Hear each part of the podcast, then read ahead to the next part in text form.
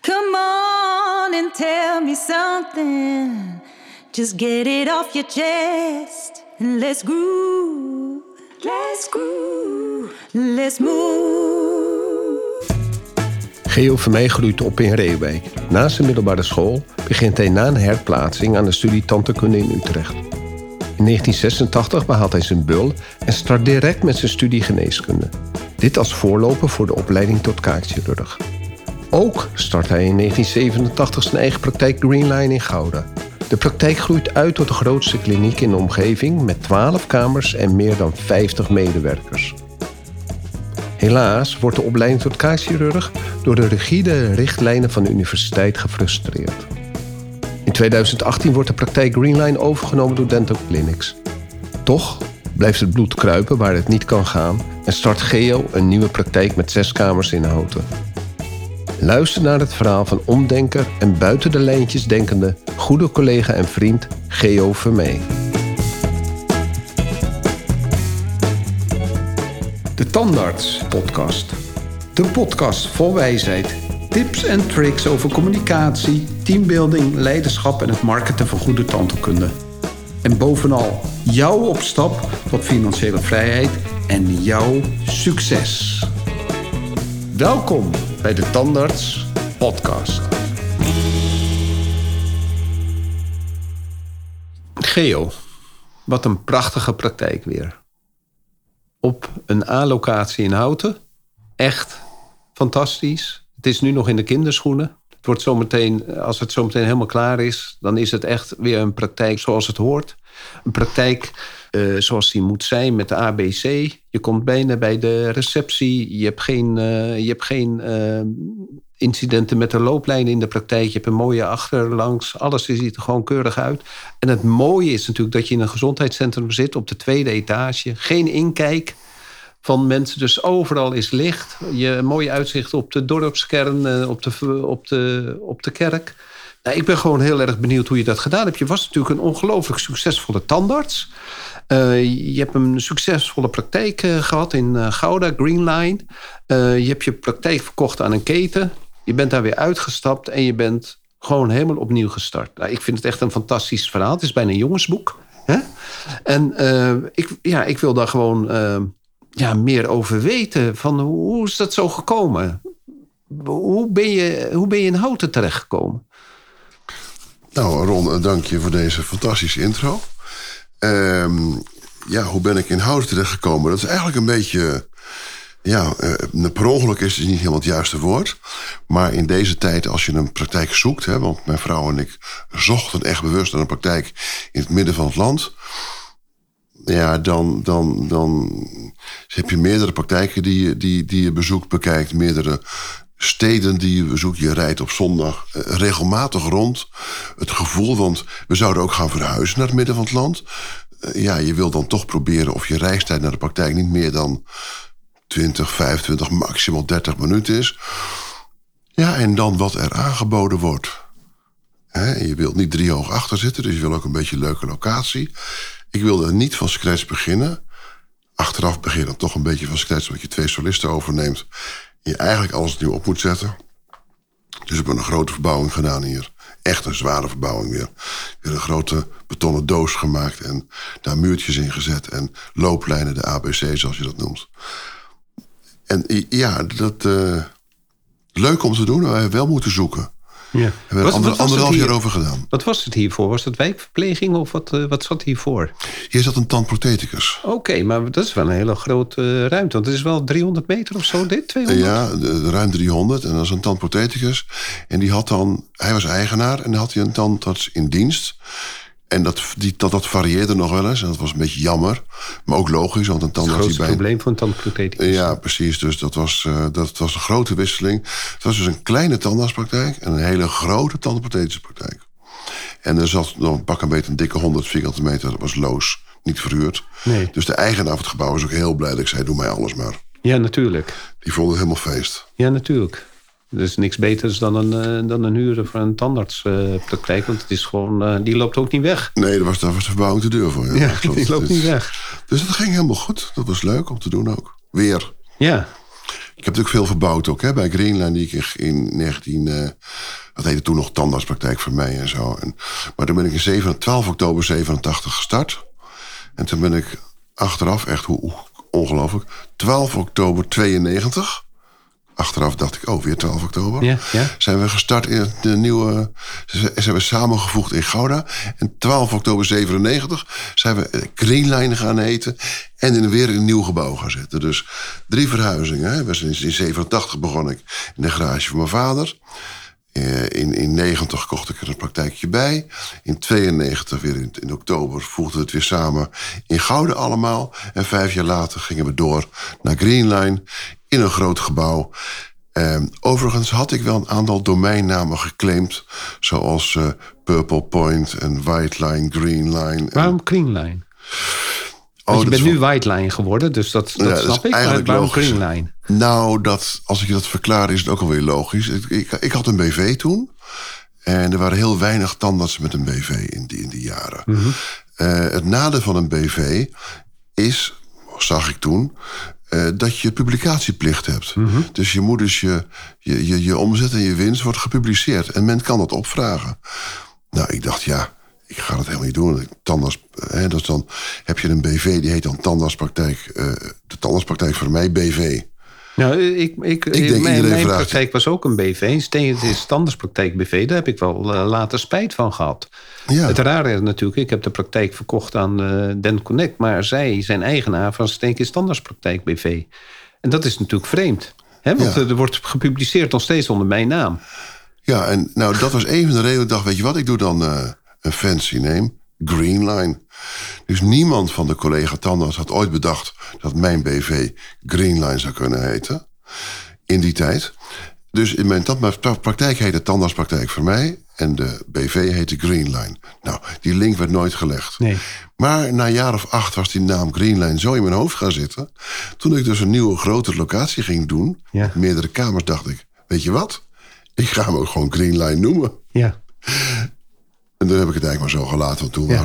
waren, het er veel meer tandartsen met een BV. Ik nou klaar. Maar het is wel een eh, goede naam, Greenline. Hè? Het Zeker eh, nu zou het een goede naam zijn met al dat groene gedoe natuurlijk. Hè? Ja, ja, ik heb ook het, ik heb ook het eh, tandartspraktijk toen het Groene Hart Medisch Ja. Centrum. Oh, het Groene Hart, natuurlijk, Medisch, ik, heb, ja. ik heb al die groene, ik heb een stuk of acht groene hartjes heb ik nog geclaimd. En die heb ik nog steeds. Het ziekenhuis in Gouda, die eh, eh, heet dan het ziekenhuis het Groene Hart. Eh, ik wilde eigenlijk Medisch Centrum het Groene Hart, maar dat is, die was voor mij. Ik zei, nou, koop dan maar, maar wilden ze dan ook niet. Nou, dan niet. Nee. I have a dream today. Heb je altijd tandarts willen worden? Nee. Ik eh, wilde eigenlijk eh, arts worden. Oké. Dat zat vanaf mijn twaalfde of zo in mijn hoofd. Ja, waarom komt het in je hoofd als, als, als kind van twaalf dat je arts wilt worden? Ehm, nou, dat weet ik niet precies, maar ik denk dat ik dat mooi vond. Of een roeping, of dat, dat, dat- verzorgend. eh. ik wilde arts worden.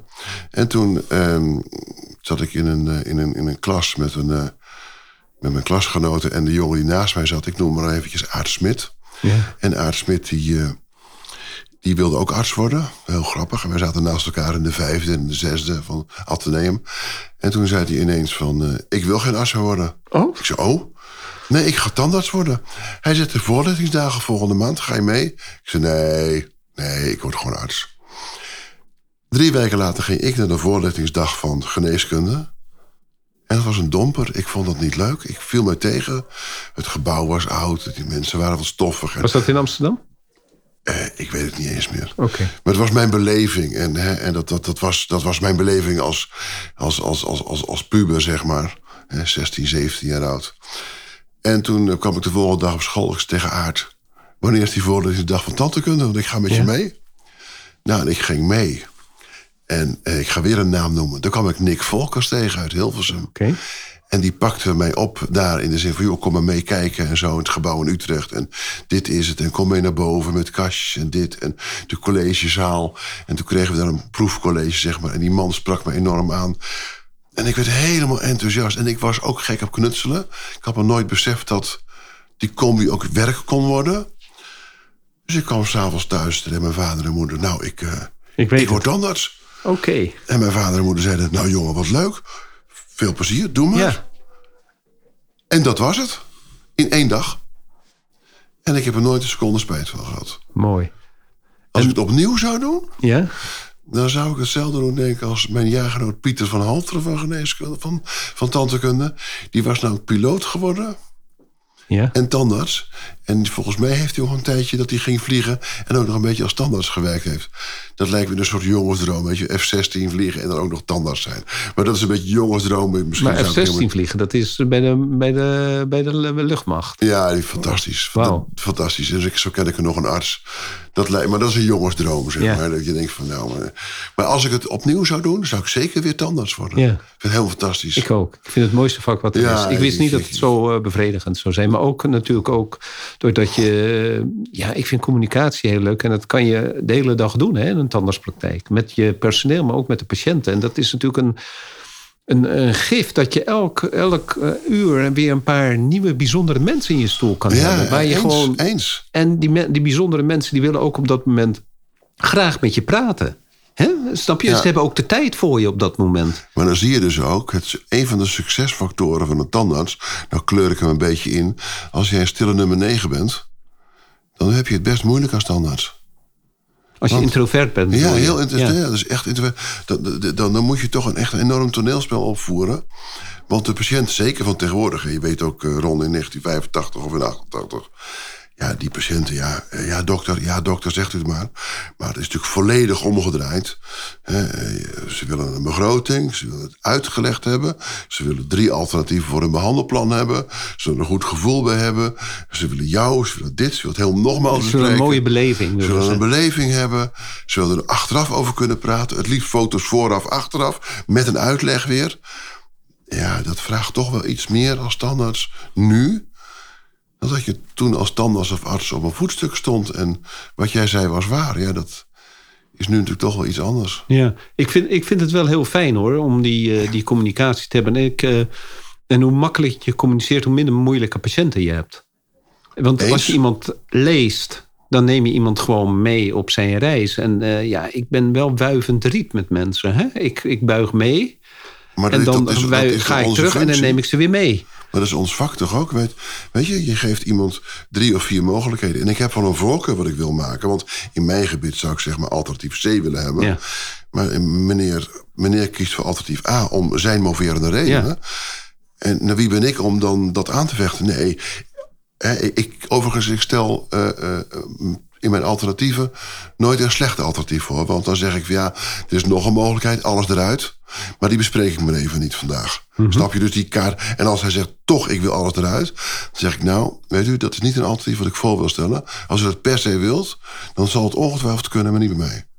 En dus ik, de- als ik een alternatief voorstel, A, B of C, dan sta ik er zelf ook achter. Ja. En dan wil ik wel meebewegen als wuivend riet. Maar iets wat ik gewoon niet oké vind, ja, dat is een alternatief, maar ik vind het niks. Nee. En dan zeg ik, ja, sorry, dit- dat kan ik niet voor u maken. Dat, dat kan ik niet, niet, niet, niet doen. Nee, dat is, dat is ook zo. Dat vind ik zo uitdagend in die tandheelkunde. Dat heb ik eigenlijk nooit begrepen. Dat tandheelkunde communiceren is. Hè, dat, heb, dat heb ik pas na mijn, eh, mijn- na mijn eh, studie... Heb, ben, ben ik pas eigenlijk door gaan hebben... hoe belangrijk dat communiceren is. En dat heeft me zo gegrepen dat ik me eigenlijk... eh, ja, maar gewoon buiten de tandheelkundige cursus heb ik zoveel communicatiecursussen gedaan. En eh, heb jij dat ook gedaan? Ben je, ben je ook veel naar. eh, want eh, we, we zaten net met jouw vrouw te praten. Die, die is heel psychologisch hè, bezig op, op dingen. En heb jij ook veel ontwikkeling op dat gebied gedaan? Of is dit jouw, jouw zijn zoals jij Ik heb niet zo... Nou, ik zeg het verkeerd. Ik heb wel trainingen gedaan, maar op een andere manier, denk ik, dan dat jij bedoelt. Ik ben, eh, zoals ik al eerder een keer gezegd tegen jou... op een gegeven moment eh, bij een jazzfestival gekomen in een bestuur. Ik heb ook nog in een tennisbestuur gezeten, op jonge leeftijd, al, dus 23 en 26. Ehm, daar word je geconfronteerd met bestuurders. Ja. Dat, daar leer, van die mensen leer je. Dat was niet echt een cursus, maar ik leerde wel van, van die mensen op dat moment. Ik ben op mijn 25e bij juniorkamer gegaan. En juniorkamer heeft als slogan learning by doing. En juniorkamer zijn mensen tussen, tussen de 25 en de 40. Met een clubje fanatieke mensen die eh, eh, ja, gewoon learning by doing. Je leert van elkaar. En daar hadden wij wel degelijk trainingen. Dat is bijzonder. En daar heb ik ze gevolgd. Ehm, daarna ben ik nog van een andere organisatie, een, een wereldwijde organisatie, een entrepreneursclub, EO, Entrepreneurs Organization, lid geworden. Waar we internationale uitwisselingen hadden. Daar heb ik ook cursussen en trainingen gevolgd. Dat is in Nederland zijn het nog ondernemers die ondernemers ondernemertjes. Maar in het buitenland waren het hele zware ondernemingen en zwaar getrainde jongens.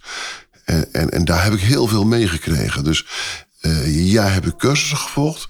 Uh, ja, maar het waren meer van dit soort uh, Ja. cursussen. En hoe reageerden de mensen dan als ze hoorden dat er een eh, tandarts uit Nederland... Tandarts, tandarts.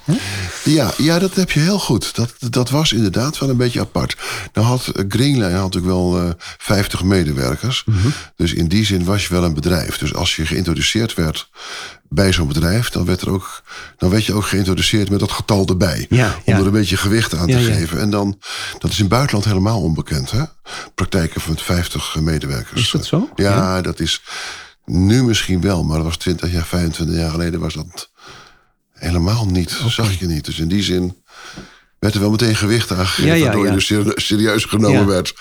Dus eh, het is wel ontzettend leuk, hè? Want eh, je, je, daardoor leer je ook heel andere dingen. Ehm, leer je van andere mensen op een andere manier denken ze. Hè? Ja. Ondernemers kunnen heel anders denken. En ook hoe ze. Die staan natuurlijk ook veel verder van het. eh, ze staan dicht bij het personeel, maar ze staan ook veel verder van het personeel dan wij. Omdat ze niet met, de, met het personeel in de loopgraven hoeven. En wij moeten met het personeel de loopgraven in. ja, en, en die jongens hadden het ook over... eh, die, kijk, wij als standaards hebben het eigenlijk nooit over... ehm, geld verdienen, winst. Althans, ik vind een tandarts die echt tandarts is... die is vooral bezig met het vak op mooi te maken. Natuurlijk heeft hij in zijn achterhoofd... dat hij natuurlijk wel een positief eindsaldo moet hebben... want anders gaat het fout. Maar niet sec bezig van... waar kan ik er nog een procentje of twee procentje of drie procentjes uithalen. Ja. Maar het is wel, wel duidelijk geworden in gesprek met dat soort bedrijven. Ja, maar Geo, luister. Als jij 12 keer 2 procentjes hebt... en 2% over 2%... en dat, dan wordt het wel een heel groot En dan bedrag. 40 jaar lang. Ja, dus, dus ik heb wel op een gegeven moment dat doorgekregen. Dacht van, oh ja, wauw. Dat, dat, is wel een, eh, dat is wel een ding. Ja, want dat is een van de dingen die toen ik jou net leerde kennen. Ik werkte vaak eh, op eh, drie kamers. En eh, de eerste keer dat ik jou tegenkwam, toen was ik aan je lippen gekluisterd. Want jij kon mij uitleggen, als je in een groepspraktijk werkte, dat het eh, zinvoller was om alle tandartsen op een eigen kamer te laten werken met een assistente. Dan een tandarts op meerdere kamers te laten werken. Ja, en dat klopt. Dat vind ik eigenlijk nog steeds zo. Eh, er is één uitzondering, eigenlijk twee. En ik ga dat ook even benoemen. Ehm, ik ga eerst uitleggen waarom een tandarts op één kamer moet werken. Een tandarts werkt op één kamer, want die krijgt zeg maar 40% of zo, of 42%, dat wat, die, eh, dat, dat, dat, dat wat nodig is. Dat wat je overeenkomt. En dan kan die tandarts zich volledig concentreren op die patiënt ook. Want je moet wel ook wel uit een zeker hout gesneden zijn om over drie kamers heen en weer te rennen. En je assistentes moeten het ook kunnen volgen. En je moet die assistentes aan kunnen sturen. Dat vraagt nogal wat van iemand. Iemand moet een goede tandarts zijn. Moet snel kunnen schakelen. Moet de verhaling door elkaar kunnen halen. En moet de tandarts aan kunnen sturen. Of die assistentes aan kunnen sturen. Moet ook een soort manager. De one-minute manager moet je zijn. Dat is trouwens een boek, One Minute Manager. Leuk, ja, Campbell En je moet, dus dat, dat moet je dan ook zijn. Ehm, en zo'n tandarts krijgt zeg maar, dan wordt het 42% op de kamer. Maar die tweede kamer, dan moet hij eigenlijk dan 35 krijgen of 32. En de derde kamer 22. Of hij moet, hè, laten we zeggen dat zo'n tandarts 1600 euro omzet. In zijn eentje op een kamer. Of hij moet in alle drie de kamers 1600 euro omzetten. Dan kan hij over alle kamers 42 krijgen. Maar als je dat niet doet en hij pakt over de eerste kamer 16, maar zet hij 1600 om. En de tweede kamer 1200 en de derde kamer eh, een beetje erbij 400. Dat gaat niet. assistenten te duur. Alles En de kamer te duur. Een kamer kost natuurlijk 80, 90 euro per uur. Inclusief assistenten. De uitzondering is natuurlijk als je een tandarts-eigenaar hebt. Die betaalt, ja. En je hebt kamers genoeg. Want als die ta- tandarts-eigenaar, houdt natuurlijk, omdat het je eigen arbeid is. Hè, eh, maakt dat niet uit. Dat gaat gewoon op die grote pot. En je haalt het straks een gedeelte van je salaris uit. En that's it. Ehm, of de tandarts die wel die omzet haalt. Maar de meeste tandartsen die bij je komen als eh, medewerker... die gaan die omzetten niet halen. Dus ga je te veel uitbetalen. En je assistenten worden wat slordiger en je moet ze bij de les houden. Dus voor mij was dat een no-go. En uit, in, na al die jaren, mijn accountant eh, eh, heeft vele, vele tandartsen als klant. En die zegt, wat jij gezegd dat klopt helemaal, zo is het. Ja. En hoe heb jij het concept van de preventieassistent eh, geïncorporeerd in jouw bedrijf? Ehm, ik heb op een gegeven moment geprobeerd om uh, à la het, uh, het knikkensysteem van drie kamers te zeggen. Nou, weet je wat, dan heb ik als eigenaar twee kamers en dan doe ik controle en dan blijft de preventieassistent achter en gaat het schoonmaken. Maar dat vond ik toch niet fijn. Dus ik heb echt heel bewust, en nu weer, kies ik voor een eigen agenda van de preventieassistent. Dus de mensen komen en die hebben bij mij een afspraak bijvoorbeeld van 10 minuten voor een controle. En vijf minuten later gaat naar de preventieassistenten. Eigenlijk omgekeerd. Eerst preventieassistenten. En dan wachten ze vijf of tien minuutjes.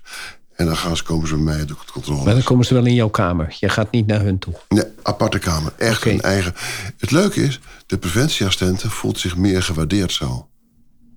Want ze heeft een eigen kamer en een eigen agenda. En als je aan mij zou vragen, Geo, hoe, het, hoe kan het toch dat het personeel zo graag bij je blijft? Nou, is misschien dit wel een van de redenen. Ze hebben een eigen kamer en een eigen agenda.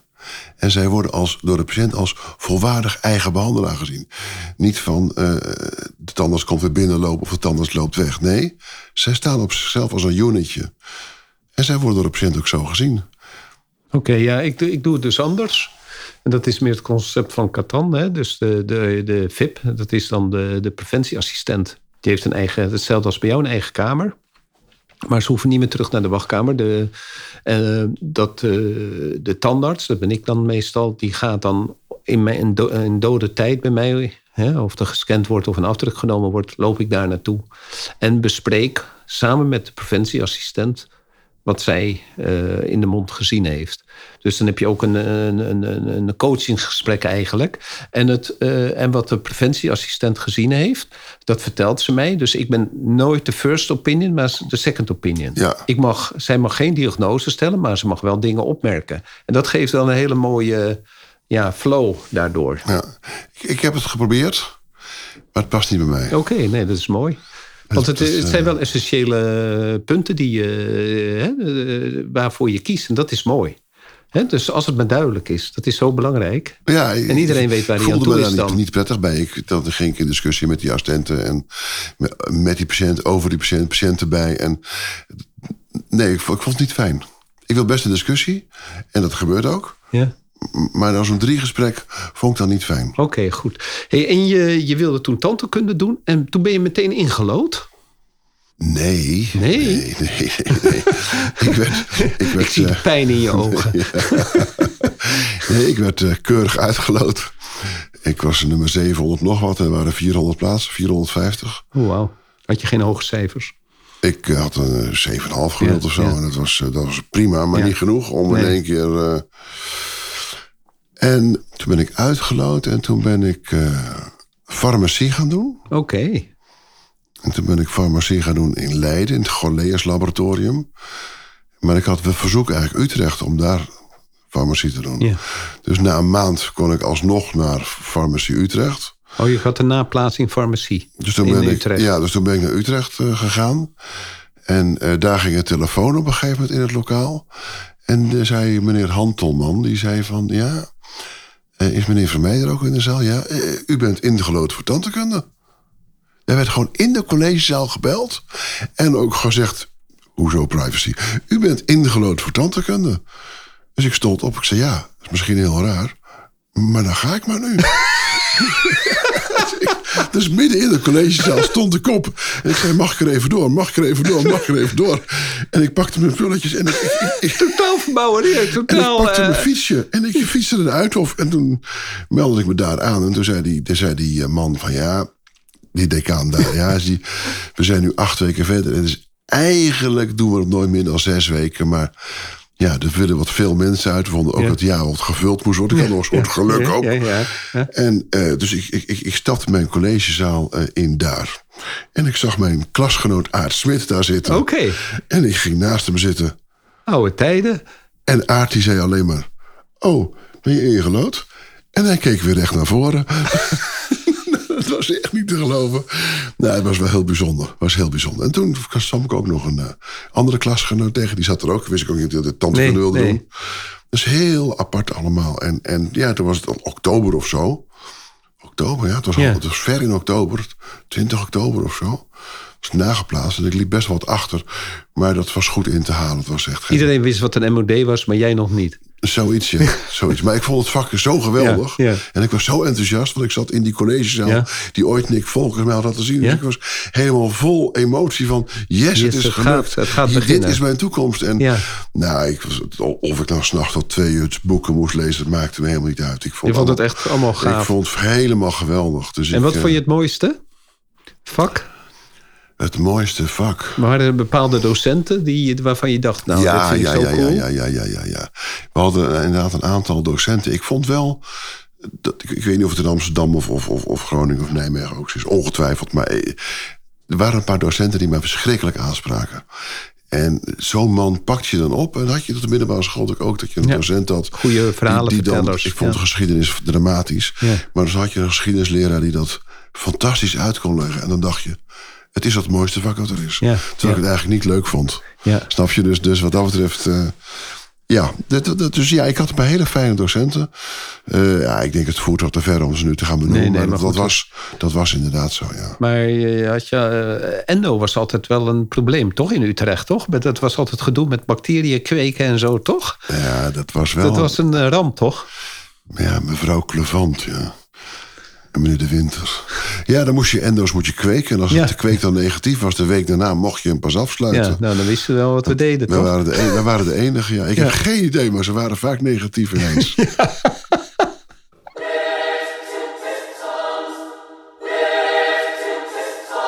Als je nu terugkijkt, hè, wat is nou jouw belangrijkste systeemverandering die je hebt gehad in je praktijk, waardoor je praktijk een ontzettende boost heeft gehad? Er zijn een paar dingen die, die daar belangrijk, eh, die, die ik belangrijk vind, achteraf dan. Eh, toen mijn praktijk eh, wat ging groeien, toen besefte ik ineens dat met één mondhygiënist ben je eigenlijk heel kwetsbaar. Want dan zei zo'n meisje, eh, volkomen terecht, hè, dat, dan zei ze, ja, ik heb een andere baan. Nou, dat Ja. kan natuurlijk, hè, dat, Ja. is, dat is niet meer dan... Of een collega dan zei, nou, ik ga eens verder kijken. Of een man gaat verhuizen? Ja, oh, ja precies. Ga ik mee? En toen besefte ik dat je met één mondhygiënist wel heel kwetsbaar bent. Ja, Met twee al minder en met drie nog minder. oké. Maar ja, nog drie tandartsen, eh, drie mondhygiënisten, eh, drie preventieassistenten, eh, drie receptionisten. Ja, dat wordt wel heel groot. Maar het was wel zo. Hè, dan merk je ook dat je, als je hè, het ta- tafellaken en servetten verhaal, dat als je net te klein bent, dat je dan dus heel kwetsbaar bent. Dat realiseerde ik mij op een gegeven moment ook. En dan had je dus twee mondhygiënisten aan het werk, kwam er een derde binnenlopen. Oh, heeft u nog een baan? Dan kan eigenlijk zeggen, nee, ik zit vol. Dan zeg ik, nou, ik denk het wel. Ja. Ik ga eens even voor je kijken. Laten we volgende week afspreken. En dan ging ik zoeken, zoeken, zoeken. En dan eh, vond ik toch nog wel een mogelijkheid. En dan zei ik van nou, als we nou beginnen met twee dagen... heb ik ook nog wat andere dingen, wat administratie, uitzoekwerk op jouw vak. Want ik moet een protocol hebben over mondhygiëne. Dat is ontzettend belangrijk als jij mij wilt helpen daarmee. Ja. Dus dan gaf ik er anderhalve dag behandeling. Dat dan niet eens zo heel Ja. vaag, maar een beetje gevuld was. En dan ging ik met haar die protocollen maken. Nou, en dan in de loop van de maanden... dan vulde Ja, die agenda zich weer. En dat, dat, zo hielp ik dan zo'n mondhygiëniste aan het werk. En hielp ik ook mijn eigen plezier. Ja. Want dan werd ik... Maar ik heb wel echt wel dingen moeten doen daarvoor. Want je hebt natuurlijk niet zomaar in één keer plek voor drie dagen mondhygiënisten. En hoe heb je dat toen? eh, Ben je in shifts gaan werken op dat moment? Of eh, hoe heb je dat eh Oh nee, de opgelost? behandelkamer zat ik meteen. Ik, ik, dat heeft het ooit Dick Smit, is misschien ook leuk om Ja? Dick Smit een keer te interviewen. Dick Smit is het tegen me, ja geel joh, hoezo vijf kamers maken? Maak er nou toch zeven? Nou oké, dan heb ik er zeven gemaakt. En toen, twee jaar later dacht ik, oh, die ruimte daarnaast kan ik er ook nog eens vijf of Ja, zes maken. ja. Dus ja, nee, Dick is daar de, de, de, de inspirator geweest om meerdere kamers. En natuurlijk Nico Bezuur heeft ook over mijn werkwijze. Toen in Salamanca hadden wij een, eh, een, een lezing ooit van Nico, die dan een lezing gaf. En in Spanje, van Famet denk ik dat het was. Ja, van Famet. En toen vertelde Nico over het meerkamerconcept. En daar heb ik aandachtig zitten luisteren. Ik heb daar meegenomen wat ik, wat ik goed vond. Toen dacht ik, ja, dit is wel wat ik kan gebruiken in de praktijk. Dus daar heb ik een paar tips van meegenomen. Ja. En eh, daarna hebben we natuurlijk ook bake-offers opgericht. Ja. Eh, hè, dat, eh, dat, dat, eh, Daar kennen wij elkaar natuurlijk van. daar kennen wij van. Ja. Dus daar heb ik een aantal principes van eh, de dingen die Nico toen ook opgenoemd heeft, eh, heb ik meegenomen. Nico wilde toen helaas niet het bestuur in, dat was jammer.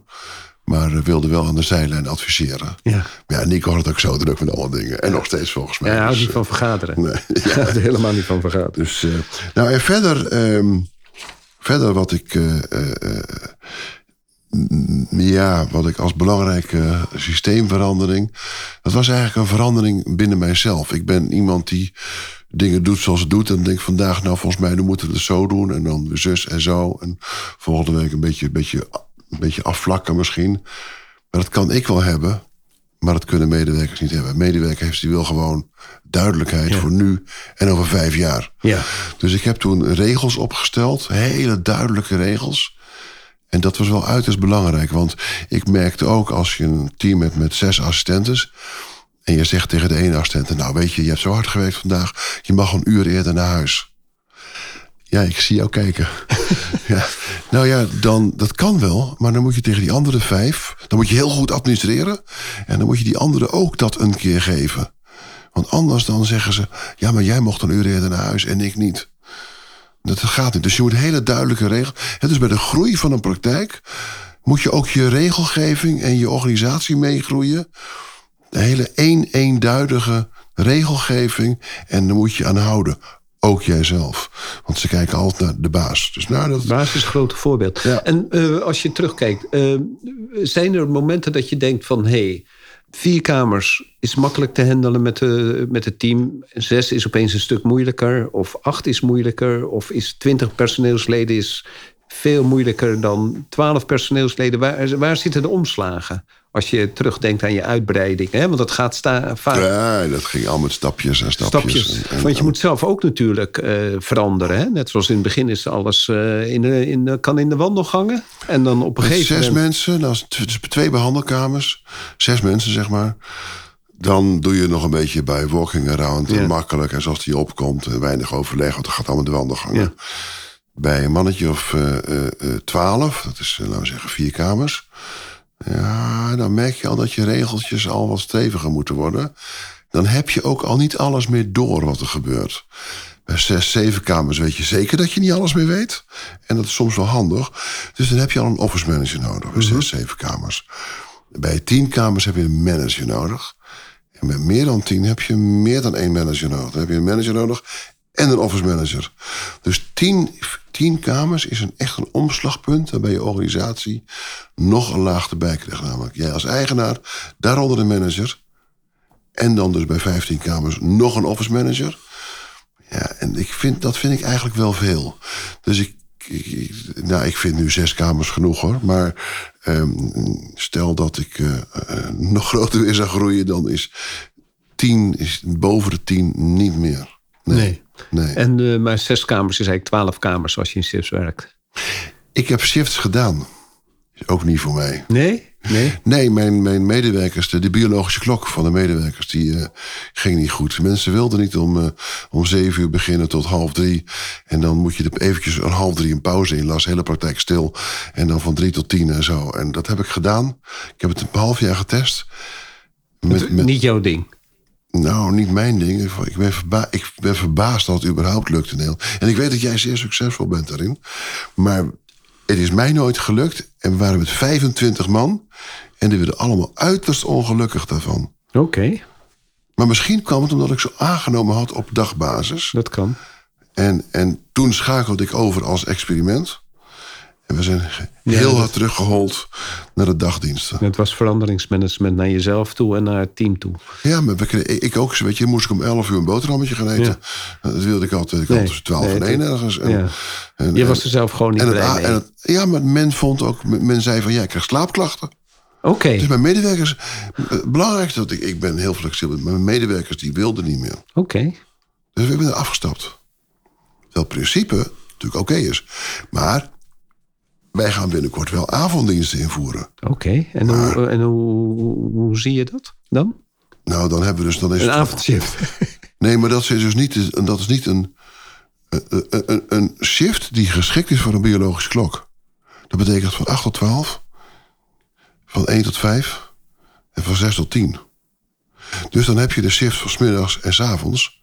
En dan kan je gewoon je normale avondeten opeten. Tussen rond een uur of zes. Nou, u bedoelt, dan maak je een je? langere pauze. Net zoals dat je gewoon tussen Maar de, een maar de pauze... shift die je heel veel ziet. We zijn open van Zeven, 7 tot zeven? 7. Nou, die is mij heel slecht bevallen. Jij doet een 12 uur. Dan dat is een- nog veel beter dan natuurlijk. doen we een, Ja, dan doen we een 12 uur shift. En dat is, dat is, die gaan we binnenkort invoeren hier. Ja, dus je hebt twee keer acht eigenlijk op een dag in plaats Nee, nee, nee, van nee, eh, twee kan- keer zeven. Nee, want je hebt, je hebt 12 uur, hè? Ja, dus daarom twee. Dus je hebt, Ja, maar die overlappen, overlappen natuurlijk. je hebt middag, eh, je hebt ochtend, middag en je hebt middagavond. Ja. Ja. En mensen kunnen dus geen losse middag krijgen. Maar mensen kunnen wel losse ochtend krijgen. Ja. Nou, als iemand zegt, goh, ik wil een middagje werken bij u. Dat kan niet. Nee.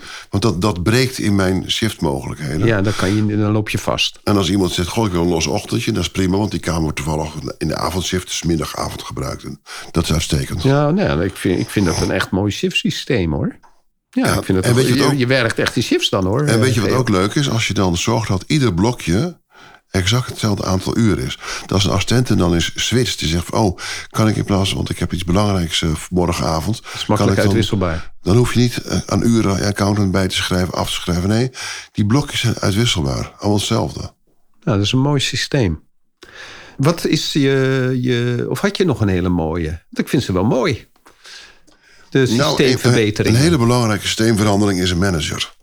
Oké. En daar ga ik een hele kritische opmerking over maken. Oh, wauw. En dan moeten een aantal collega's die dit horen zich niet, niet aangevallen voelen.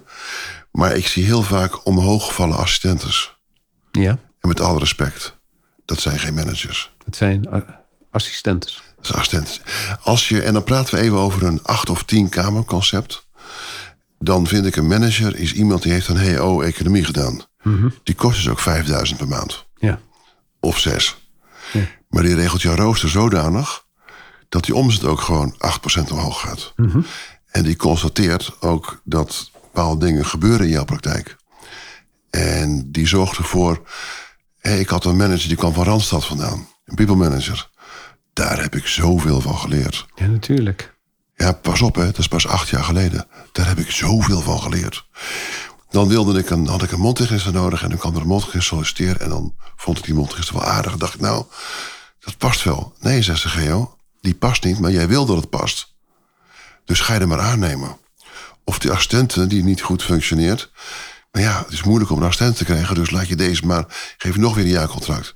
Nee, zegt ze, die functioneert niet, dus stoppen we ermee. Ik zeg, maar, en dan? Dat is een nieuw probleem. Gaan we een nieuwe oplossing voor zoeken. Maar we gaan niet door op de oude, op de oude manier. En dat was wel dat ik dacht van, oh wauw. Echt, want kijk, zij zat bij Randstad en zij, zij zou eh, vijf filialen gaan runnen. Deed nu twee filialen, ging naar vijf. En zij besloot door privéomstandigheden anders te doen. En ze kwam bij mij terecht. En toen dacht ik, oh wauw, dit is fantastisch. En ik heb echt ontzettend veel geleerd van haar. Dus ja, dat was heel mooi. Dus dat is een tip die ik ook wel mee wil geven. Ehm, en dan had ik er eigenlijk nog wel eentje die ik wil bespreken. En die is ook wat precair. Oh, wat leuk. Want eh, we gaan voor harde... eh, ik, heb je, ik had zo gehoopt op eh, dat je het mes zou hanteren. Dus kom maar op. Ja, dat gaat over het percentage van de tandartsen. Oh, dat is altijd leuk. Kijk, er is natuurlijk een tekort aan tandartsen. Wordt door de overheid natuurlijk heerlijk in handen gewerkt. Maar dat is niet, dat, dat, dat, dat is niet oké. Eh, want we weten allemaal natuurlijk dat bijvoorbeeld 50% of 45% is eigenlijk een hele is een percentage dat eigenlijk te hoog ligt. Tenzij je torenhoge omzetten maakt. Maar torenhoge omzetten van een niet-tandarts-eigenaar ben ik altijd een beetje, vind ik een beetje gevaarlijk altijd. Want van, weet je, is die tand, klopt die tand er nog wel? Eh, klopt het geweten nog wel? In de zin van, krijgt die patiënt waar die recht op heeft voor de juiste prijs? Of wordt het, is de melkkoe?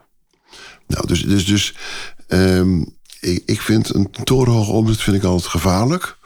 Eh, tenzij het tandarts natuurlijk buitengewoon ervaren is en heel slim en het allemaal goed doet. Maar eh, een tandarts die drie jaar bezig is en een torenhoge omzet, daar ga ik altijd heel goed kijken wat er gebeurt. Oké. En wa- waar ben je het meest bang voor?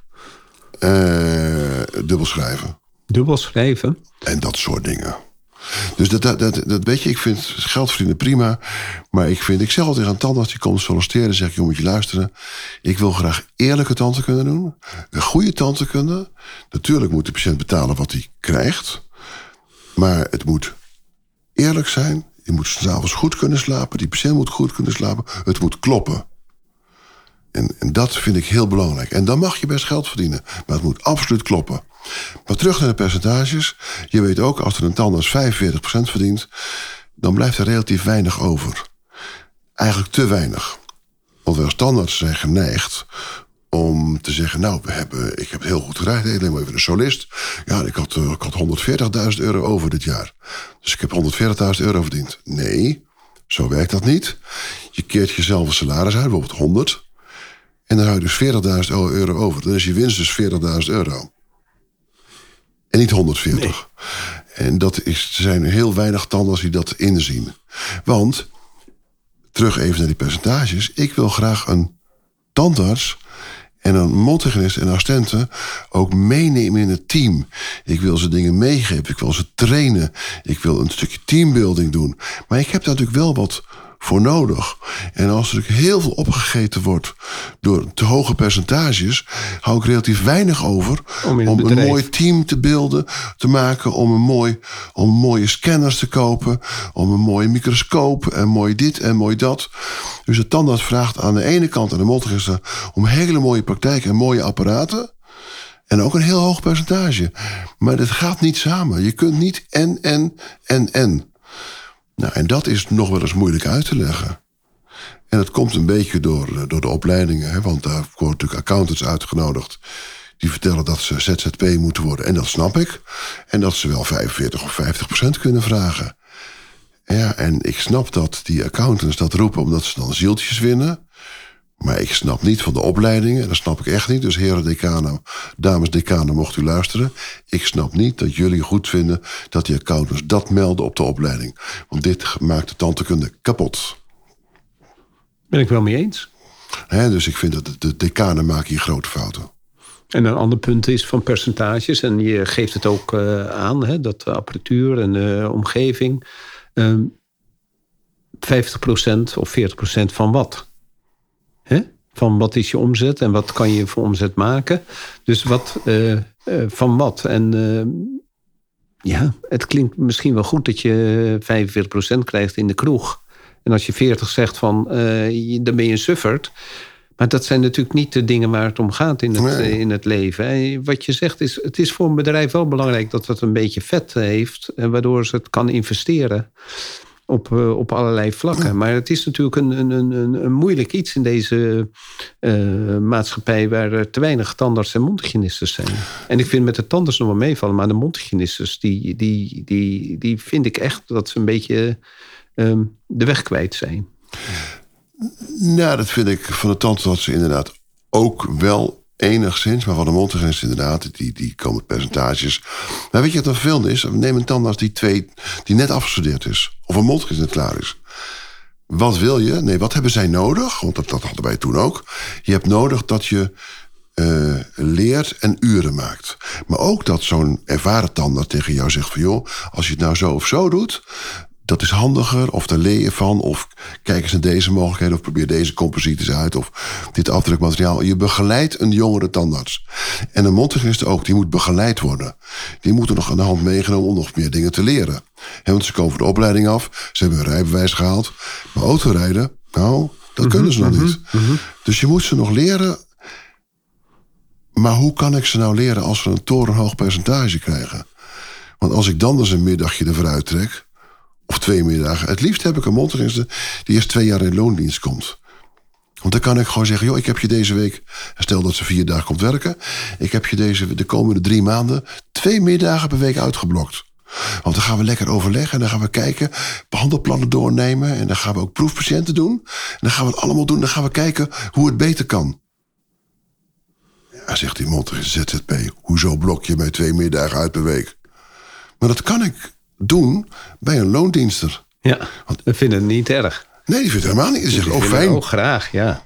Dus het percentage geeft ook stimuleert ook niet. Hè? Het ZZP zijn de eerste twee jaar. Het stimuleert, stimuleert niet, nee, de kwaliteit nee, in nee, Nederland. het hoor. stimuleert om zich terug te trekken in de kamers. Hè?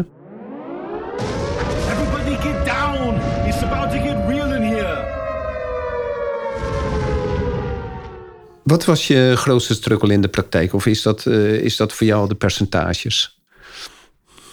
Ehm, de grootste struggle was inderdaad de percentages. En dat was eigenlijk omdat ik eh, eh, op enig moment merkte ik dat ik met minder geld naar huis ging dan de tandartsen die bij me werkten. Er werkten acht tandartsen bij me. En ik merkte dat ik met minder geld naar huis ging. Ja, grappig hè? En dan had ik het niet eens over de winst, want die was er verder niet. Nee. En dan had je een club waar, waar- waar 40 man werkte. Ja, dan- Toen dacht ik van ja, dit gaat niet goed. Dus toen heb ik... Ik heb op een gegeven moment dus aan die tandartsen dus bij elkaar geroepen en gezegd... luister, ehm, ik vind het niet reëel dat ik met minder wegga dan jullie... terwijl ik vele uren meer aan het werk ben. Dus ik ga het aanpassen. Nou, ze begrepen het, maar vonden het natuurlijk niet leuk. nee.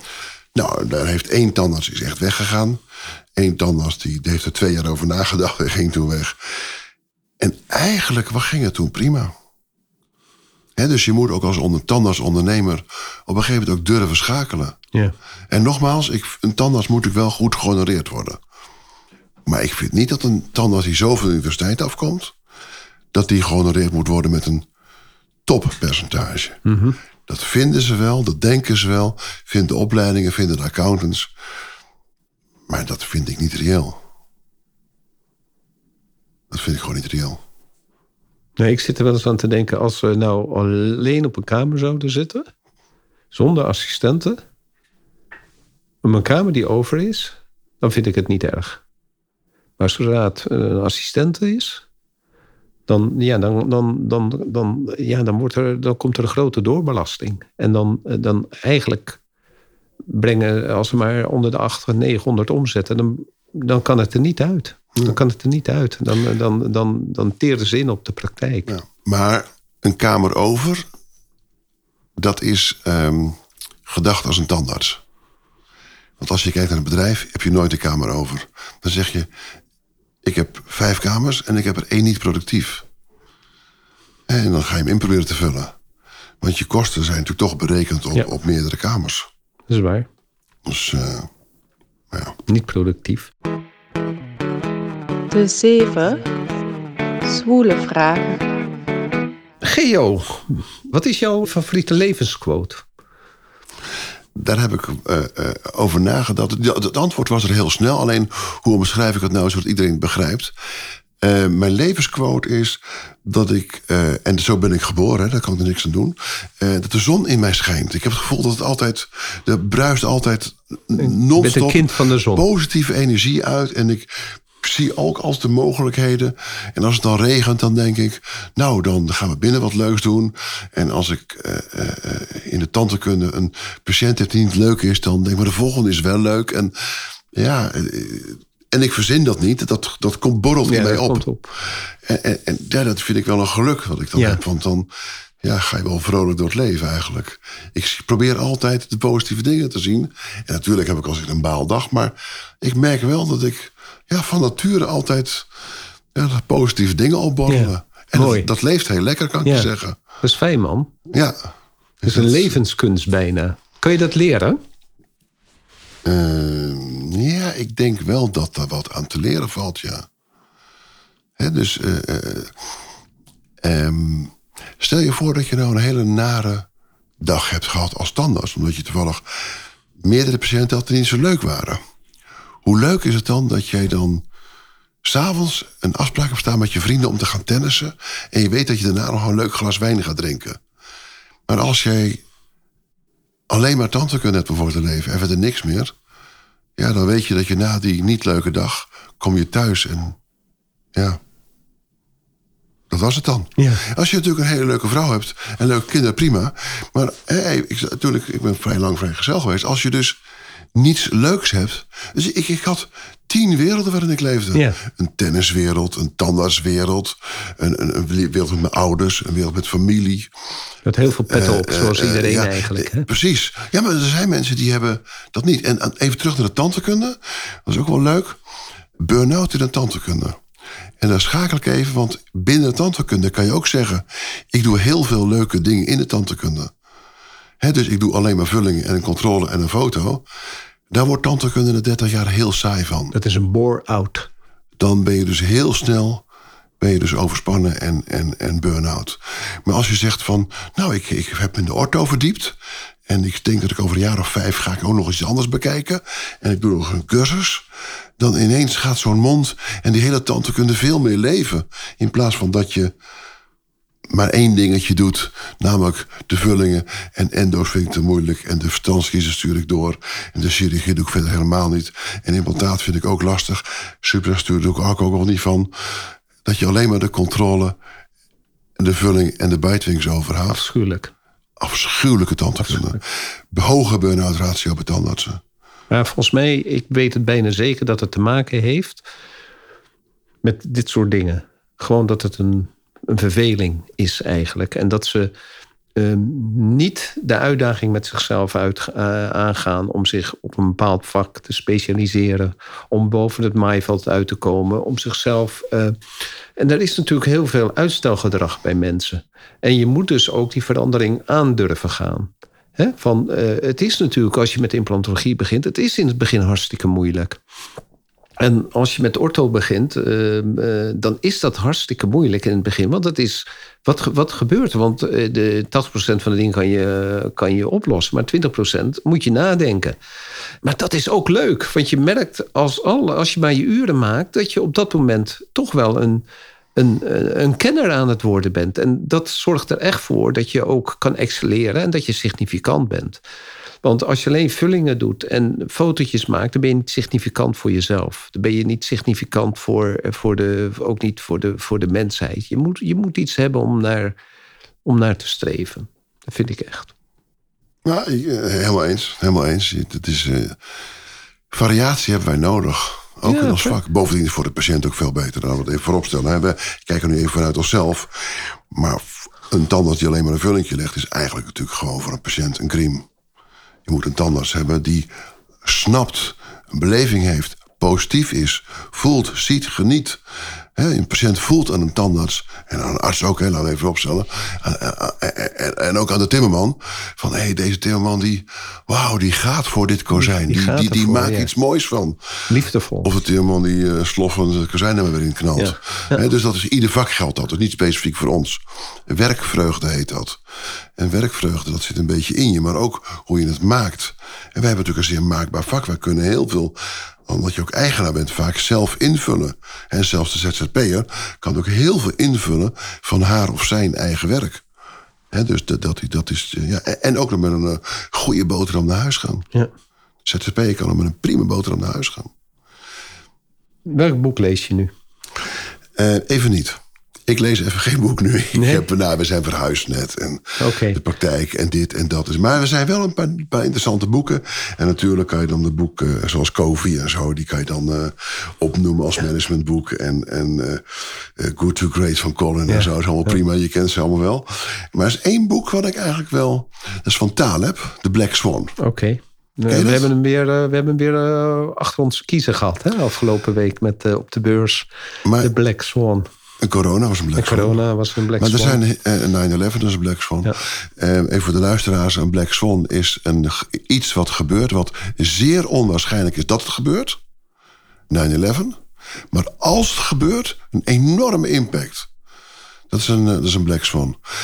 Die kun je naar je eigen praktijk vertalen. Want in je eigen praktijk gebeuren sommige dingen... eh, eh, nou, het is zeer onwaarschijnlijk dat het gebeurt. Maar als het gebeurt, is het wel fijn dat je rekening mee hebt gehouden. Of dat je, hè, en denk even aan financieel, dus de corona. Er zijn tandartsen, er waren hon- enige honderden tandartsen... die na twee weken al, al moeilijk hadden en de NOW-bijdrage nodig hadden. Hoe kan dat? Hoe kan het, ja? Hoe kan dat? Dan hebben ze toch heel slecht nagedacht over de toekomst. En alleen maar als een slecht huisvader geïnvesteerd of gekocht... of wat ze ook gedaan hebben... maar nooit nagedacht, er kan iets tegenzitten. Hè, dus, dus daarvan vind ik wel, denk na. Hè, ehm, eh, hetzelfde is, ehm, eh, wil je ook nooit meemaken... dat er een patiënt overlijdt in je praktijk. Oh, afschuwelijk, ja. Maar toch schijnt dat gemiddeld eens per tandartsleven voor te komen. oké. Eh, nou, nou, denk daar eens over na. Van, joh, wat gebeurt? Wat, wat doen we dan? Wat doe jij? Nou, om te beginnen heb ik het personeel. Heb ik daar wel, zeg ik het met enige regelmaat, jongens. Hoe doen we dan? Wat, wat, wat, wat, wat eh, ik, misschien wel leuk. Ik was een keer bij cardiologie voor een hartfilmpje maken. Want de huisarts dacht dat er iets niet goed zat. Was al achter allemaal goed. En, maar ik was heel moe, want ik, had, ik ben vrij laat vader geworden. En dus ik, ik zat in die wachtkamer bij cardiologie en ik was echt moe gewoon. Dus ik, zat, ik, ik moest wat wachten. Ik zat een beetje te knikkenbollen en ik viel in slaap. Nou, ik kan, je, ver- ik kan je vertellen. De alarmbellen gingen aan. Ineens stonden er twee secretaresses en twee cardiologen stonden naast mij. En die Maar je zat te natuurlijk schudden. aan een graaspatje. Ja, precies. En die zaten aan mij te schudden. En toen zei ik, oh, hallo. En toen, en toen zag ik echt de opluchting op het gezicht van die cardiologen. Zo van, oh, god, gelukkig hij is niet dood. Maar ik, ja, ik was gewoon zo moe. Ik zat gewoon te knikken. Ja, ik had, na, na die zwanger, na de geboorte was ik gewoon een beetje moe. Wat een verhaal, wat een verhaal. Ehm, ik ben het helemaal mee eens dat eh, de Black Swan van Taleb is een, is een bijzonder boek. Het is een bijzonder boek. Een, een adviseer een cursus of een nascholing eh, dat je vindt dat een eh, tandarts moet volgen. Of, Ehm, ik heb hem, bij, Ron, wij zijn, jij en ik zijn opgevoed in de amalgaamtijd. En we hebben nooit echt composiet leren leggen. Dus ik heb voor mezelf, en jij hebt het ook gedaan. We hebben, ik heb, ben naar, toen naar Joost Roeters gegaan in Nijmegen, acht dagen. En ik heb een co- composiet leren leggen. Echt composiet leren leggen. Eh, ook qua kleuren en overlap en die opakers eronder en die glaslagen erboven. En dan iets meer en minder doorschijnend en een vlekje en een streepje en een dingetje. Als ik nu zie, ik verwachtte eigenlijk dat de tandartsen van nu het allemaal konden. Niets is minder waar. Dus ik zou alle tandartsen adviseren, acht dagen composietcursus. Want ik vind ook de jonge tandartsen, wat ze met composiet kunnen en qua kleuren. Ja, het valt mij wel tegen. En dit is natuurlijk indirect commentaar op de opleiding, maar dat is dan maar zo. Ik vind dat het eh, tegenvalt wat ze met composiet kunnen. Ik heb eh, in 1993 en 92 van Joost Roeters en, en, en, en, en Nico Opdam en Hein de Kloet zo verschrikkelijk veel geleerd. Ongelooflijk. En, en ja, dat vind ik ja, gewoon de hands-on training. absoluut Ja. gewoon. Wat voor Eén dag, ook. één dag theorie, zeven dagen. Maar ik, vond, ik, ik vind dat de meest in het oog springende. Ja. Gewoon een goede composietvulling leggen. Echt. Met goede aansluitingen. Op de goede manier. Kleine beetjes uithouden. En ook dat nog op de goede manier. De goede composiet kiezen. De fronten, de facings van composiet maken. Ik vind dat zou iedere tandarts in zijn pakket moeten hebben. Van, en dan heel goed moeten beheersen. Ja. En ehm, je noemde al drie mensen. Wie is jouw grootste inspirator geweest op tandheelkundig gebied of op ander gebied? Ik denk dat dat. eh, er zijn- er een paar geweest. Dat is eh, Joost Roeters. En dan noem ik al dus de, de, de, een van de composietkoningen. Ehm, en dat is ook, eh, helaas is niet meer onder ons, Peter van der Schoor. Eh, Peter, die, eh, Peter en ik, die, eh, ik, ik in een aantal opzichten een beetje op, een beetje cowboy-achtig. Ja, en ja. recht voor zijn raap. En heerlijke vent, gewoon, ja, weet je. en ik zat daar ik, bij hem op, op, op- in zijn collegezaaltje. Ja. En dan zei hij dingen, dacht ik, oh heerlijk, ja, zo zie ik het ook, geweldig. En eh, ook, ook nieuwe dingen, maar ik werd ook gesteund door, door dingen die hij zei. En dan Ja. voelde hij krachtiger. Ja. Heerlijk, prachtig, ja. Absoluut. Dat zijn de twee. Ja, en dan bij Big Office, hè, dan heb ik ook, eh, dat, is, dat is een groep mensen. Hè, dus eh, Big Office natuurlijk even, eh, heet nu Big Mondzorg. Is natuurlijk een beetje veranderd, want vroeger waren dat alleen grote praktijken, zo is het ook bedoeld. Hè. Dus eh, in de tijd dat de KNMT nog niet zoveel wist van grote praktijken, hadden wij natuurlijk die club met z'n allen. Waarbij je bij elkaar in de keuken keek en, en we waren gesprekspartner van elkaar. Wat doe jij met dit en hoe dat en personeel. En het ging niet zozeer over de vulling, want dat, dat was een tandartding. Maar joh, als de groepsgrootte toeneemt, waar gaan we tegenaan lopen?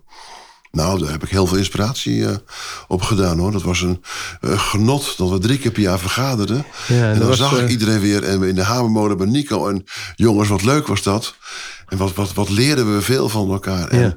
je kon ook zeggen, joh, ik zit ergens mee. En dan wist je ook dat het in goede handen was. Dat ging niet de stad rond. Want ja, we zaten natuurlijk allemaal 30, 40 kilometer uit elkaar gemiddeld. En Ja. dat is allemaal prima. En eh, maakt allemaal niet uit. We waren geen concurrent van elkaar. Nee, helemaal niet. We, we ondersteunen elkaar. Wat ik weet nog heel goed, en dat is. ehm, eh, op zo'n eh, vergadering, toen, toen stond je op... weet je wat we moeten gaan doen? We moeten ervoor zorgen dat, eh, dat we gewoon een aantal preventieassistenten hebben... en dan één mondhygiënist. En die zorgen, gewoon, die zorgen gewoon voor elkaar. En dat er gewoon op dat moment een preventiekliniek is. En dat landde zo bij mij. Ik dacht, Geo, wat een fantastisch idee. Waarschijnlijk heb je er zelf niks mee gedaan. Maar ik vond het een fantastisch idee. En ehm, eh, twee weken later hadden wij dus de zaterdag... met één mondhygiënist en eh, vijf eh, preventieassistentes... die het idee van eh, Geo aan het uitwerken waren. En eh, ja, fantastisch. Fantastisch. Dat was echt... eh, en dat, dat was wel mooi. Die, die one-liners die, eh, die mensen zeiden... Die daar kon ik echt eh, meteen mee aan de gang. En dat was wel, wel, wel heel bijzonder. Nou, ontzettend leuk om te horen dat, Ja. dat, eh, dat, dat ik daar een Je was een steentje- inspirator steentje voor aan mij op eh, dat moment. een steentje aan bij heb, heb, heb mogen dragen. Ja, maar weet je, dat, dat, dat was natuurlijk met, met al die jongens. Iedereen had zijn eigen... Ik heb voor jou ook dingen, ik weet niet meer wat... maar we hebben allemaal dingen van elkaar gepakt. En hè, de goede zin des woords. En dat was natuurlijk heerlijk, weet je wel. Iedereen, iemand vertelde een verhaal en dat deed ik ook. En dan stond je op en dan zei jongens... ik wil graag iets delen, want ik heb een ervaring met eh, nou, iets... Nou ja, dan kwamen er weer dingen los van, oh wauw, ja. Hè, bijvoorbeeld eh, eh, een Vamet. En als iemand weet je wat ik bedacht heb, als we het sowieso doen, dan kan dan heel mooi. Dan, oh wauw, wauw. Of eh, jongens, ik heb een probleem met personeel. Maar mijn accountant zegt, we moeten het misschien zo doen. Dan dacht je, oh ja, dat is handig. En tandheelkundige zaken, echt over de vulling hadden we het eigenlijk nooit. Hè? Over, maar wel van, jongens, er komt er een toekomstige scanner. Zou dat iets zijn voor de Ja, ja, Want, ja, ja. Dat wist wij veel. wist- Ja, de scanner maar bestond nog helemaal ja, niet. ja. Dat was een fabeltje, dat, was, ja, dat, ja. dat kon echt niet. Nou, toch nog een oud verhaal. Ik vond. ehm, ehm, eh, we hebben niet eh, wel als groep opgetrokken, maar we hebben samen niet eh, echt veel dingen gedaan. Maar toen met die overgang van, van eh, dat we samen onderhandeld hebben naar Famet toe. Dat we, dat, en dat we de club bij elkaar hebben gehouden, omdat er toch wat eh, op allerlei fronten paniek was. Ik vind dat het echt een mooi stukje politiek, hoe we dat samen toen eh, met Joris eh, voor elkaar hebben gekregen, zonder dat. zonder dat de club ruzie kreeg en dat wij met allemaal kleine setjes. We, waren, we hadden twee verschillende banen waren we bezig. En toen zijn we op een gegeven moment samengekomen. En Ja. dat, dat vond ik mooi. Ja, dat was mooi. Was mooi. mooi. dat hebben we echt goed gedaan toen. Ja, dat vond, eh, dat vond Famet ook. Ja, ja dat hebben, Informatics, Informatics vond het wat minder. Ja. Dat maakt ze nu ook niet meer uit. Nee. Maar toen was dat wat minder. Ja. Maar Ja. dat was echt een mooie. Nee, dat was natuurlijk een van de. Van, van de hè, we hebben ook, ook speerpunten. Een van de krachten was dat je krachten kon bundelen. En dat je gewoon kon overleggen met. met hè, we hebben natuurlijk ook wel vergelijkend onderzoek gedaan naar kostprijzen. Van composieten Ja. en van, hè, dus van, En van de stoelen Van ook. laboratoria. Oh, ja, ja. Wat kost het, jongens? En, en, en, en wat kost de service? Ik weet nog goed dat Rolf van Mierlo had een keer een mooi staatje gemaakt over kostprijs onderhoud per stoel per jaar. ja. Nou, en, en dat was een bepaald bedrag. Ik, ik dacht iets gemiddeld van 3, 3.500 euro per jaar per stoel. En daar zeiden de andere tandartsen, "Hè, ik zit op 7. ja. En andere tandarts zei, ja, maar ik zit op 500. En wij met z'n allen van, hoezo zit je op 500? Hè? Dus dat gaf een hartstikke Ja. mooie discussie met elkaar van... jongens, hoe kom je op jouw getal? Nou, en dan zaten er sommige kosten niet in of wel in. Of het tandarts deed bijna alles zelf als onderhoud. Nou ja, zo kan je natuurlijk alles verklaren. Maar het feit dat we over discussieerden... En toen bestond het. Anders prachtig. bestaat het niet. Nou, weet je, en dat, en dat gun ik eigenlijk ook alle ehm, jongere collega's. Ehm, je gaat vaak alleen op het vak inhoudelijke in. En als je nou zorgt dat je ook qua logistiek en organisatie gewoon een groepje hebt waarmee je het goed kan vinden, dan kan je elkaar heel mooi ondersteunen. Want het is natuurlijk wel belangrijk dat, dat het veldje van die endo op en neer gaat en hoe je dat doet en eh, waar je mee spoelt. Maar het is natuurlijk ook heel belangrijk dat je dat gewoon goed in de praktijk voor elkaar hebt op allerlei vlakken. Ja, ja. En dat, eh, dat misten we natuurlijk. hè, Want ik was wel lid van een equal-groepje. Ja. Maar ja, dan was ik een vreemde eend in de bijt. Ik had meer dan drie kamers. Nou, dan keken ze heel raar aan. Van, wie ben jij nou? Drie, drie kamers, doe normaal. Ja, het was, eh, je, we waren, en- en- en- we waren en- gevaarlijk. Ja, maar, maar ook... En, en ik, ik ben ook alleen begonnen. En dat is prima. Maar, maar je hebt andere subjects. Andere onderwerpen waar je over spreekt. Hè, en, en, en een equal groepje is dus ook niet geschikt... om je aan te spiegelen voor altijd. Hartstikke goed, hartstikke interessant. Maar als u zegt, ik wil eh, ook nog iets meer, een stapje erbij... dan moet je eigenlijk een groepje formeren met tandartsen... die hetzelfde soort in elkaar zitten. Of dezelfde eh, levenshouding, want ik ben biologisch tandarts, noem maar wat. Dan heb je een groepje van acht biologische tandartsen... en dan heb je een groepje van acht tandarts met allemaal vier of vijf behandelkamers. Zo kun je allemaal dingen verzinnen, maar... Ja. Ja, het, het- het equal groepje was op, op zich uitstekend. Maar dan, dan mis je dingen. En dan zou ik zeggen, oké, je mist dingen. Dus dat ga je opstarten. Maar ja, ik ben een groepjesmens. Ik start dingen op. Ik vind het leuk. Ik vind... Ja, ik, ik, ik, Maar je onderhoudt het minder, toch?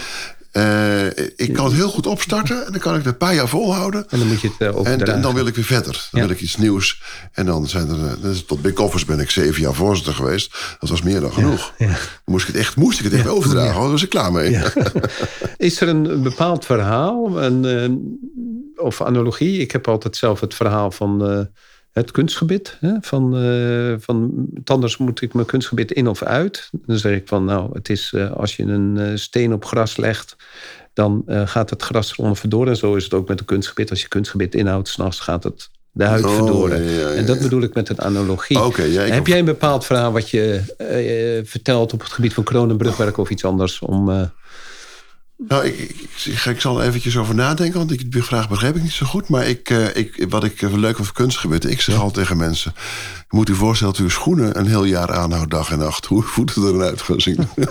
Dat is een hele mooie analogie. Dus dat- En dat snappen mensen Dus die, meteen. die begrijpen ze meteen. Maar ehm, ja, ongetwijfeld, want mijn assistenten zeggen altijd van... oh, je gaat het verhaal weer vertellen van, dan ben ik even Ja, ja, weg. ja. Ja, ja, ja. Absoluut dat ik, eh, dat, ik dat, dat, dat, eh, dat doe. Ehm, nee, ik weet niet zo gauw zeer, eh, om een pakkend storytje te vertellen nu daarvoor. Dat Oké, komt mooi komt zo. niet iets binnen. Geo, had jij nog iets toe te voegen aan dit mooie gesprek? Volgens mij hebben we veel dingen besproken. Absoluut. Oké, dan wil ik je hartelijk danken.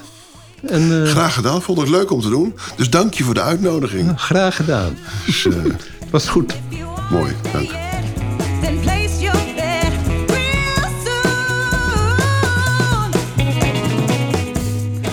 Super dat je weer luistert naar een aflevering van de Tanders podcast. Ik zou het zeer op prijs stellen als je een review achter zou laten. Je kunt je ook abonneren op deze podcast. Klik dan in de podcast-app op de button subscribe... en je ontvangt automatisch een berichtje bij een nieuwe aflevering. Ken je iemand die deze podcast ook leuk zou vinden? Deel deze dan. Via Spotify kan je dat heel simpel... door op de drie puntjes te klikken en te delen. Je kan mij ook bereiken via mijn LinkedIn-account. Ik ben te vinden onder mijn naam Ron Steenkis. Nogmaals, dankjewel en tot de volgende keer.